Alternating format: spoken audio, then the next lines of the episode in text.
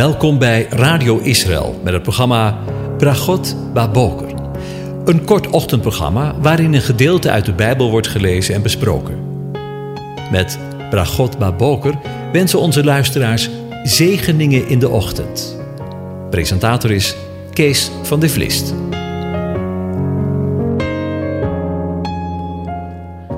Goedemorgen, Bokatov, beste luisteraars. Vanmorgen denken we weer verder na over Psalm 105. En daarvan lees ik de versen 23 tot en met 36. Daarna kwam Israël in Egypte. Jacob verbleef als vreemdeling in het land van Gam. Hij deed zijn volk zeer toenemen en maakte het machtiger dan de tegenstanders. Hij veranderde hun hart, zodat ze zijn volk haatten en zijn dienaren listig behandelden. Hij zond Mozes zijn dienaar en Aaron, die hij verkozen had. Zij verrichtten onder hen de tekenen die hij bevolen had, en wonderen in het land van Gam. Hij zond duisternis en maakte het duister. Ze waren zijn woord niet gehoorzaam. Hij veranderde hun water in bloed en doodde hun vissen. Hun land wemelde van de kikkers tot in de kamers van hun koningen. Hij sprak en er kwamen steekvliegen en muggen in hun hele gebied. Hij maakte hun regen tot hagel, bracht vlammend vuur in hun land. Hij trof hun wijnstok en hun vijgenboom. Hij brak de bomen in hun gebied in stukken. Hij sprak. En er kwamen veldsprinkhanen, treksprinkhanen, niet te tellen, die al het gewas van hun land opaten. Ja, ze aten de vrucht van hun akker op. Hij trof alle eerstgeborenen in hun land de eerste vruchten van al hun mannelijke kracht. Tot zover. Over verharding door God gesproken. En dat is niet een makkelijk onderwerp.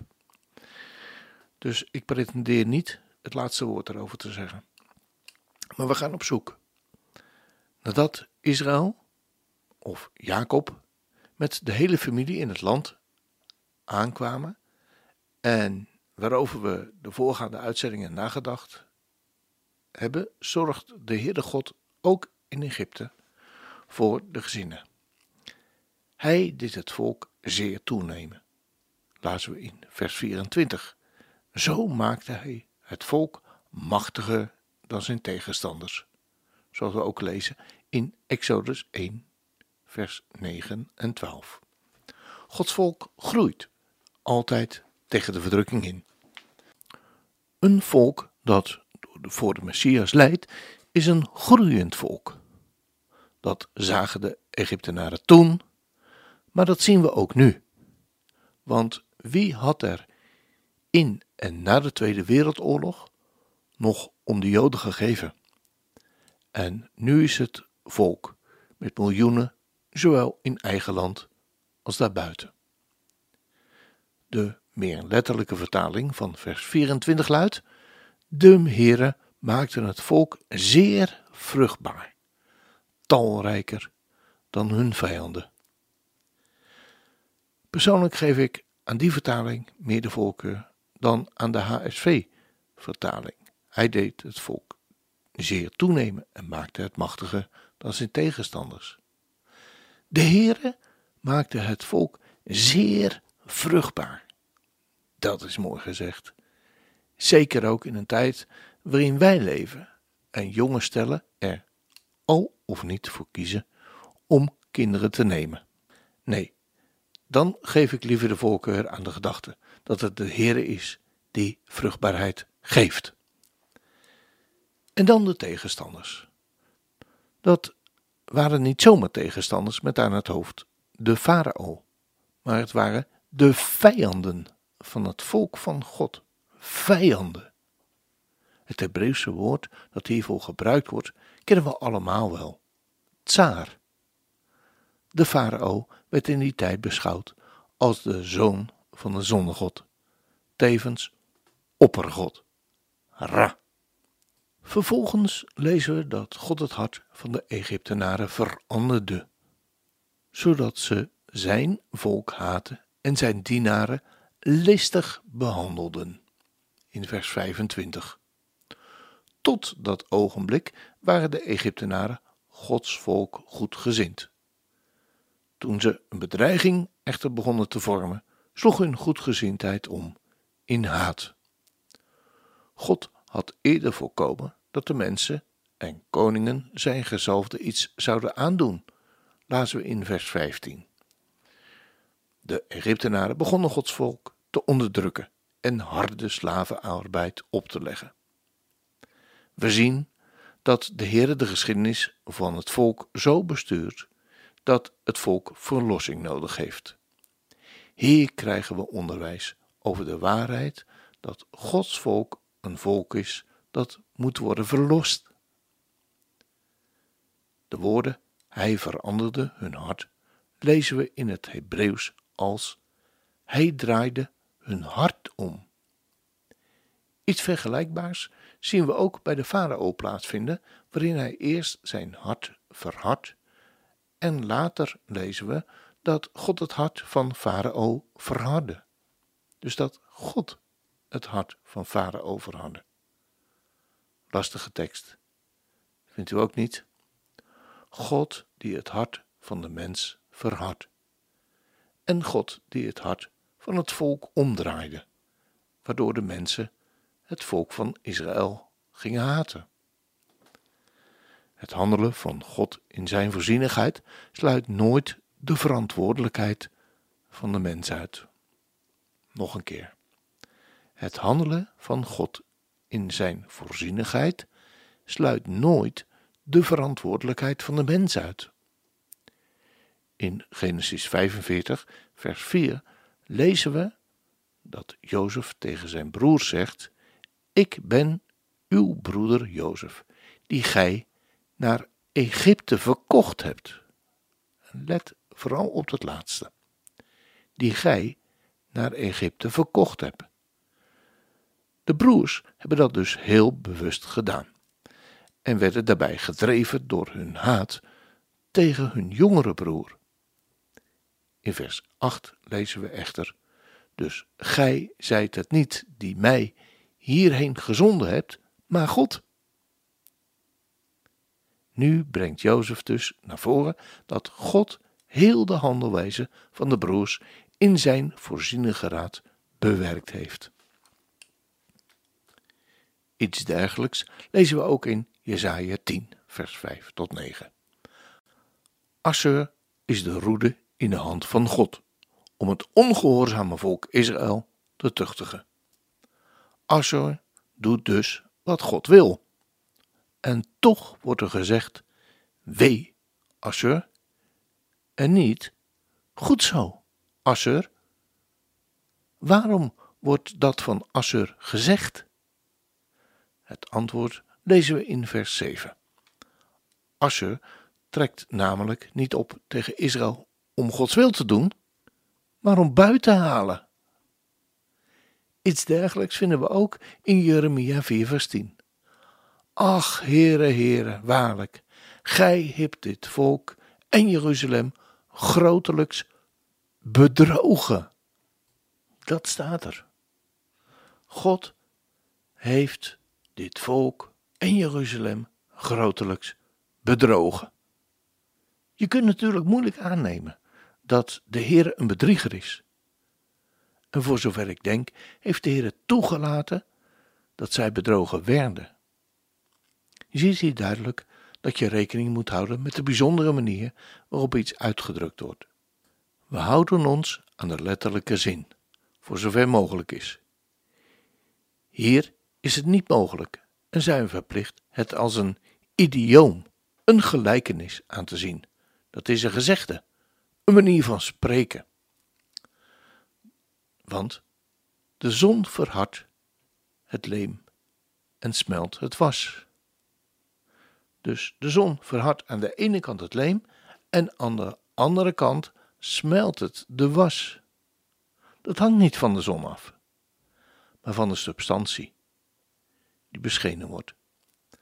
Het blootstellen aan de zon geeft de uitwerking, zo ook bij Farao en de anderen. God van trouw. U verandert nooit.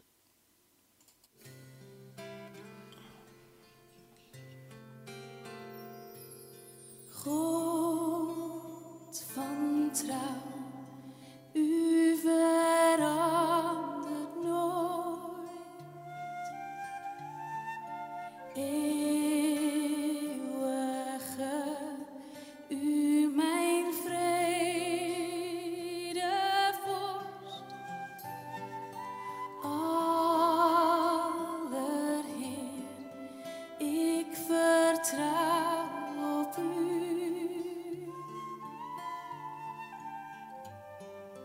Heer, ik roep tot u.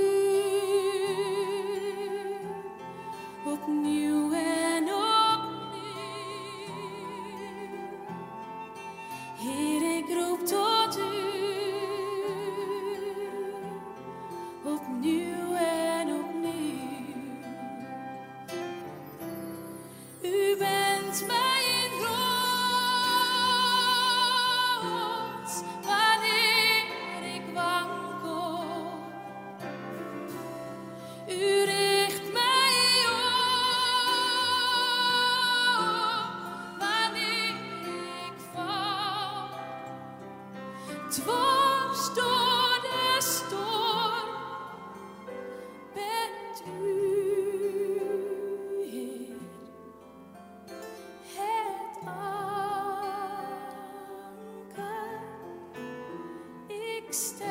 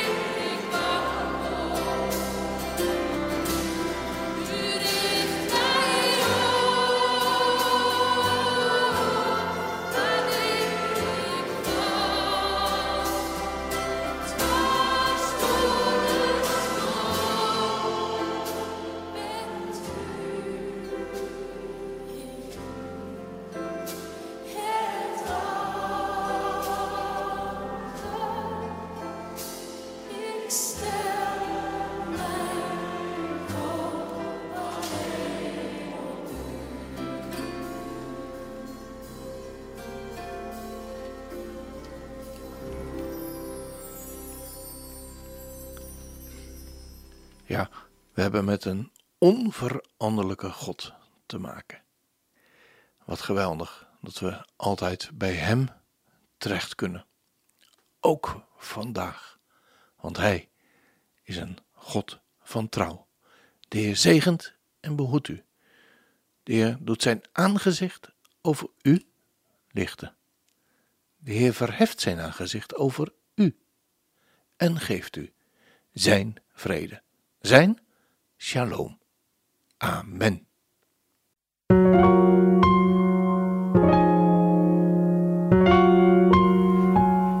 U hebt geluisterd naar het programma Bragot Baboker. Een kort ochtendprogramma waarin een gedeelte uit de Bijbel wordt gelezen en besproken. Wilt u het programma nog eens naluisteren, dan kan dat. Ga naar radioisrael.nl en klik onder het kopje radio op Uitzending gemist.